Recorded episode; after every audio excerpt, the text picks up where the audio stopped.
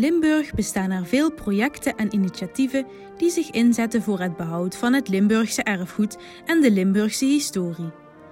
Deze projecten delen, verbinden en zorgen ervoor dat deze kennis voor toekomstige generaties bewaard blijft. Samen met het publiek willen de initiatiefnemers en medewerkers de geschiedenis van Limburg ontdekken. En laat dat nu net zijn waar LGOG zich ook voor inzet. In seizoen 2 van de LGOG-podcast neem ik u mee op een reis door Limburg en zullen we spreken met mensen die aan dit soort bijzondere projecten werken. Samen nemen we een kijkje achter de schermen. Ga met me mee op pad door de provincie. Limburg is een provincie met een rijke hoeveelheid aan immaterieel erfgoed. Schuttersverenigingen, harmonieën, fanfares, koren, carnavalsverenigingen, de jonkheid. En al dat immateriële erfgoed brengt weer materieel erfgoed voort. Want die verenigingen en clubs hebben meestal een eigen beschermheilige, een logo of een spreuk. En waar worden die opgetoond? Juist, vlaggen en vaandels. Denk maar eens aan het OLS, het Oud-Limburgs Schuttersfeest. Als je daar langs de zijlijn staat, komt er een enorme kleurenpracht aan textiel aan je voorbij, waarop de identiteit van de schutterij in kwestie uitgebeeld is. Er was tot nu toe nooit een plek waar al die vlaggen en vaandels bij elkaar kwamen. Maar daar is verandering in gekomen. Het Sociaal Historisch Centrum in Limburg, het SHCL in Maastricht, heeft namelijk besloten al deze vlaggen en vaandels in kaart te gaan brengen op de website limburgsevaandels.nl. Een mooie online verzameling onder de projectnaam Drapeau. Initiatiefnemer professor Joep Leerse legt uit waarom dit project belangrijk is en hoe het allemaal begon. Ik spreek met hem aan de telefoon. Mijn naam is Joep Leerse. Ik uh, ben cultuurhistoricus. Um, ik ben sinds een paar jaar ook aangesteld als bijzonder hoogleraar aan de Universiteit van Maastricht. En als zodanig werk ik aan het Sociaal Historisch Centrum. Um, en ik heb een grote belangstelling als cultuurhistoricus voor hoe identiteiten worden uitgedragen. En um, in het Sociaal Historisch Centrum bleek een boeiende collectie op dat punt te zijn. En uh, ik uh, dacht, um, het zou eigenlijk uh, het zou heel spannend kunnen worden als we met dat soort bronnen de geschiedenis beschrijven die rechtstreeks vanuit het archief naar het publiek toe gaat. Het, Sociaal Historisch Centrum zit op bronnen, die, dat zijn dus de archieven van uh, bijvoorbeeld uh, de Vroedvrouwenschool of uh, een collectie vaandels. En die zitten in een archief, maar, en, en, en zijn dan meestal de historici die daarover werken. En ik dacht, eigenlijk zijn die archiefstukken zelf op zich al heel boeiend voor het publiek. Dus kunnen we kijken of we daar een soort rechtstreekse lijn kunnen trekken. En zo ben ik in het project verzeild geraakt. Uh, een van de ervaringen die ik in mijn eerdere onderzoek had gedaan, was met uh, digitale hulpmiddelen voor het onderzoek. En toen ik dus naar de archiefbestanden keek van het Sociaal Historisch Centrum, dacht ik, hier kan ik wel wat mee op het gebied van uh, digitale ontsluiting. En toen kwam ik in gesprek met mijn collega Doortje Lucassen. En uh, zij sprak over de vaandels die daar geconserveerd worden en het erfgoed dat dat is. En ik dacht, nou dat zou een geweldig mooi en kleurrijk en boeiend pilootproject kunnen zijn voor een dergelijke aanpak. Normaal gesproken is er een driehoek van verschillende belanghebbenden bij dit soort uh, archiefonderzoek. Je hebt om te beginnen de eigenaren van de, van de stukken. Soms is dat de overheid, soms zijn dat privépersonen. Dan heb je de professionals die daarmee werken, de curatoren, de archivisten, de wetenschappers. En dan heb je het publiek, dat uiteindelijk uh, kennis moet nemen van de resultaten. De lijn rechtstreeks van het archief naar het publiek, die leek mij boeiend met behulp van de computer. Je zou met behulp van een computer die archiefstukken rechtstreeks in een soort digitale etalage kunnen zetten. En als je dan zo doordenkt, dan denk je dat de computer ook nog een extra functie kan krijgen. Met die vaandels is het zo, dat is diffuus erfgoed. Het bezit van die vaandels is onder het publiek verspreid. Er zijn allerhande verenigingen in Limburg die allemaal hun eigen vaandels koesteren. De huidige en soms ook de oudere. En dat zit dus in allerhande verenigingslokalen en in privéwoningen bevinden die dingen zich. Nou, als je naar het publiek toe gaat met de resultaten van de inventaris. Dan zou je ook het publiek kunnen vragen om die inventaris te helpen vormen. En zo kan je dan het driehoekje rondsluiten dat je via een website zowel de professionals bedient, die het erfgoed beheren en sorteren, als ook de eigenaren, dat wil zeggen het publiek, alle mensen die die vaandels ergens hebben staan of daar een belang bij hebben, en de geïnteresseerde bevolking van Limburg die je wil vertellen. En zo kwam het idee om dus uh, de computer eigenlijk een verbinding tussen die drie hoeken van de driehoek te laten zijn. En daarmee zijn we gaan crowdsourcen en hebben we de mensen zelf gevraagd van, als je deze website boeiend vindt, dan meld ook je eigen vaandel aan. Dus het werkt twee kanten op.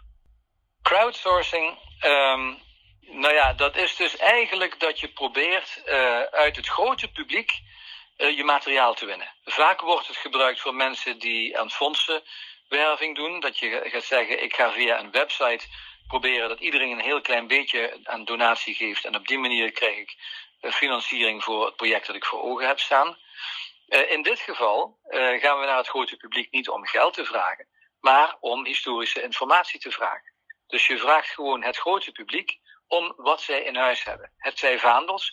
In de toekomst zouden dat ook herinneringen aan de vroedvrouwenschool kunnen zijn. Maar je gaat gewoon naar het publiek toe om het, publiek, de crowd, als bron te gebruiken, als source. Uh, er zijn heel veel vaandels op heel veel plekken.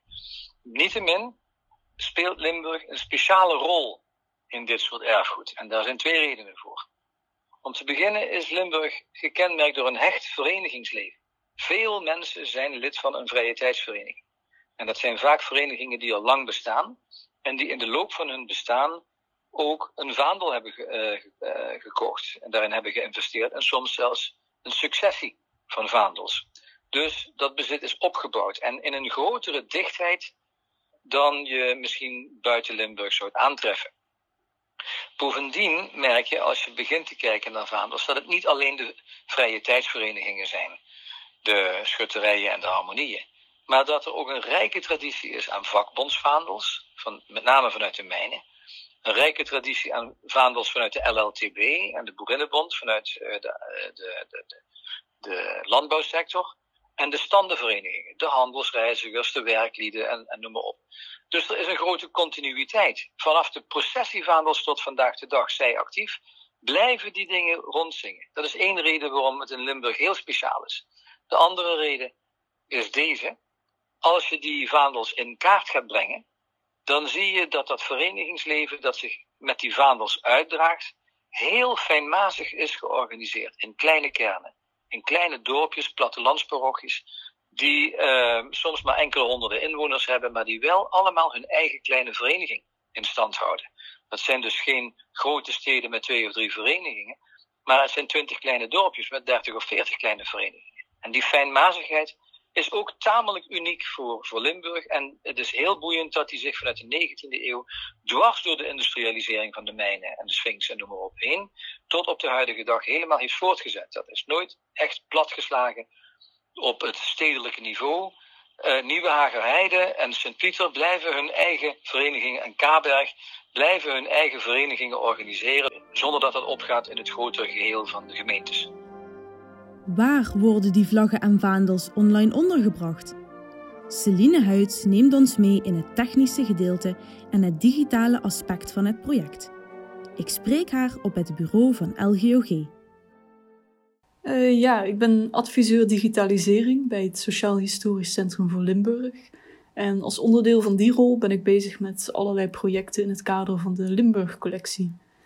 Ja, om die digitale erfgoedcollecties binnen Limburg onderling goed te kunnen koppelen, uh, is het idee ontstaan om digitale infrastructuur tot stand te brengen. Met deze digitale infrastructuur, uh, gebaseerd op linked open data, zou een duurzaam gedistribueerd netwerk worden gevormd van de collecties beheerd door bibliotheken, archieven, musea en andere erfgoedinstellingen in Zuid-Limburg. Ja, hier was uh, in eerste instantie een grote subsidieaanvraag voor gedaan, maar die werd helaas niet gehonoreerd. En daarom zijn we op zoek gegaan naar alternatieve routes om toch tot die digitale infrastructuur te komen. Toen zijn we uiteindelijk gekomen tot het starten van enkele pilotprojecten. En op dit moment zijn deze pilots Trapo en de collectie Limburgse iconografie van het LGOG. En hier begint eigenlijk eh, mijn rol binnen Drapo dus eigenlijk. Het project beoogt eigenlijk om een aansprekende digitale omgeving tot stand te brengen voor vlaggen en vaandels van verenigingen, bonden en allerlei andere organisaties in Limburg. En mijn rol in dit project is dan eigenlijk om al die vaandels en al die vlaggen die wij binnenkrijgen van verenigingen, maar ook van musea en andere erfgoedinstellingen, om die in te werken in de database. En op deze manier al die vaandels die nu eigenlijk nog verspreid zijn over heel Limburg, digitaal bij elkaar te brengen op één plek. Om de vlaggen en vaandels en de bijbehorende gegevens te verzamelen, maken we gebruik van een systeem dat heet NodeCode. En dit uh, dat is een digitale werkomgeving waarmee je eigenlijk een geavanceerde database kunt creëren. Je kunt de data modelleren en visualiseren. En alle vaandel- en verenigingsdata worden via dit systeem dan ingevoerd. En die worden dan bij elkaar gebracht. En de gegevens uh, die dan in die database staan, die worden vervolgens online geplaatst in een digitale galerij op de website limburgsevaandels.nl. En via deze website kan eigenlijk iedereen die galerij doorzoeken. En dit kan per vereniging, uh, per uh, ja, woonplaats bijvoorbeeld, standplaats, of via de deelcollecties uh, op onderwerpen zoals kerkelijk of landbouw, mijnbouw, muziek of schutterswezen, ja, noem maar op. Er zijn allerlei verschillende soorten onderwerpen waar je op kunt zoeken. Juist omdat de vaandels verspreid zijn door Limburg, in beheer of bruikleen zijn bij verschillende musea of uh, ja, in verenigingslokalen worden bewaard, hebben we eigenlijk geen goed overzicht van dit bijzondere stukje Limburgs erfgoed. Via Notecode kunnen we eigenlijk alle aangeleverde vaandelfoto's in één database plaatsen en voorzien van beschrijvende labels, zonder dat de vaandels dus eigenlijk een bewaarplaats hoeven te verlaten. Door alles bij elkaar te brengen op deze manier en op de juiste manier te beschrijven, krijgen we bovendien inzicht in allerlei ontwikkelingen binnen de provincie, zoals bijvoorbeeld de spreiding en geschiedenis van het verenigingsleven. Ja, het systeem dat we nu dus gebruiken en de manier waarop we die gegevens verzamelen, beschrijven en beschikbaar stellen, zal daarnaast ook ruimte bieden voor andere historische materiaalverzamelingen, Zoals het tweede pilotproject van de Limburg Collectie, de collectie Limburgse iconografie van het LGOG. Wat we niet moeten vergeten, is dat veel van deze vlaggen en vaandels zeer kostbare stukken zijn, waarin niet alleen veel geld, maar ook veel tijd wordt gestoken om de juiste vormgeving en uitvoering te behalen. Textielrestaurator Doortje Lucassen vertelt over haar rol bij het behoud van deze stukken. Ik spreek haar in haar atelier in Maastricht. Uh, ik ben verbonden aan het SHCL als uh, beheerder van de collectie Vlag en Vaandels. En ik heb in het verleden ook uh, eh, 90 exemplaren uit deze collectie al mogen conserveren met de hulp van subsidies. En eigenlijk ben ik eraan blijven plakken. niet iedere, iedere vlag of vaandel uh, moet per se, het is geen, niet zozeer een restauratie, maar uh, het is een conservering die je zou kunnen toepassen om een, een stuk te behouden. En uh, dat zijn ondersteunende maatregelen om te voorkomen dat het verder, dat het verval eigenlijk verder doorzet. er zijn mogelijkheden om te bewaren condities van een, van een vlag of vaandel te, te verbeteren, waardoor ook het verval sterk uh, tegengehouden kan worden. Daarover uh, kan per, uh, per afdeling, per vereniging eigenlijk advies uitgebracht worden, desgewenst. Dan overleg je verder. Gaat het daarna naar een museum of dan, wordt het in eigen beheer goed bewaard? Daarvoor zijn allerlei mogelijkheden welke uh, ja, conserveringstechnieken zijn allemaal? Dus wat pas je dan toe? Bij vlaggen bijvoorbeeld heb je vaak scheuren. Omdat het materiaal uh, begint te, te vergaan. of omdat het ook vaak doorgebruik. Die scheuren die kun je ondersteunen met uh, ja, zo licht mogelijk materiaal, meestal zijde. Die vlaggen zijn vaak ook van zijde. En ja, daarvoor heb je dan speciale technieken en materialen om dat uh, zo terughoudend mogelijk, maar wel effectief uh, toe te passen. En als een vlag een plaatselijke schade heeft, dan kun je het plaatselijk behandelen. Maar als het zo verspreid over de vlag is, omdat het stuk bijvoorbeeld 100 jaar oud is, dan, dan zet ik ook een volledige ondersteuning. je kunt losse onderdelen vastzetten. En bij alles geldt dat het eigenlijk ook weer ongedaan gemaakt moet kunnen worden. Ik krijg wel een stukken binnen die zijn al gerepareerd en die zijn dan dermate uh, sterk bewerkt met een naaimachine.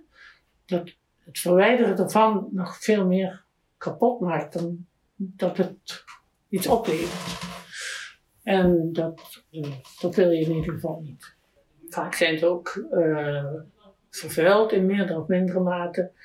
Als het echt uh, problematisch is, dan ga je ook daar uh, mee aan de slag. Uh, soms is het alleen met zachte kwasten even een beetje afborstelen. Ook dan moet je steeds oppassen. Borstel ik niet meer weg dan een vuil wat erop zit. En, en je weet nooit zeker of alles uitpakt zoals je wilt dat het uitpakt, of als je denkt dat het uitpakt. En soms stel je een behandelplan een beetje bij, omdat je merkt van, goh, kan het toch eigenlijk veel, hè? dat je nou, ik heb nieuw inzicht, ik ga het toch een beetje anders aanpakken. Maar de uitkomst uh, zal ongeveer hetzelfde moeten blijven. Als er heel veel kapot is en veel aan een stuk loshangt, dan weet je niet dat dat is een verwarrend beeld. Dat is gewoon niet leuk om naar te kijken. Als alles weer op zijn plaats zit en je hebt de gaten ingevuld met materiaal van bijpassende kleur, dan ziet het er veel gebalanceerder uit. Het heeft allemaal wel tijd nodig om iets te, hè, om een conservering uit te voeren en om, eh, het plan te maken tevoren. In principe doe ik alles alleen. Ik heb een hele goede stagiaire hier gehad. Nou goed, dat, dat is dan een tijdelijk iets geweest. Maar ik heb een goede collega in Aken en daar kan ik zo mee afspreken en dingen mee bespreken. Uh, en dat is ook uh, wederzijds. En als ik weet dat iemand gespecialiseerd is in een bepaalde aanpak, dan, uh, ja, bel je of dan stuur je een mailtje. Dat is ja, heel essentieel. Ja, je hoeft ook veel niet, wil niet in je eentje uit te vinden. Inmiddels is de eerste mijlpaal bereikt. Reeds 150 vlaggen en vaandels zijn door de verenigingen zelf digitaal aangereikt. De hoop is dat nog veel meer vlaggen en vaandels aan deze kleurrijke galerij worden toegevoegd. Wilt u ook meedoen aan dit project? Ga dan naar www.limburgsevaandels.nl. Daar vindt u meer informatie en kunt u lezen hoe het toevoegen van een vlag of vaandel werkt. Bedankt voor het luisteren naar seizoen 2 van de LGOG-podcast Op pad door de provincie. In deze aflevering werd gebruik gemaakt van muziek gespeeld door de Koninklijke Harmonie Sint Cecilia van Meer. Ik wil Joep Leersen, Celine Huids en Doortje Lucassen bedanken voor de samenwerking. Ik ben Justine Kamps, erfgoedconsulent bij LGOG. Vond u deze aflevering leuk? Vergeet dan niet om een review achter te laten, deze aflevering te delen en om de LGOG-podcast te volgen voor meer reizen door Limburg.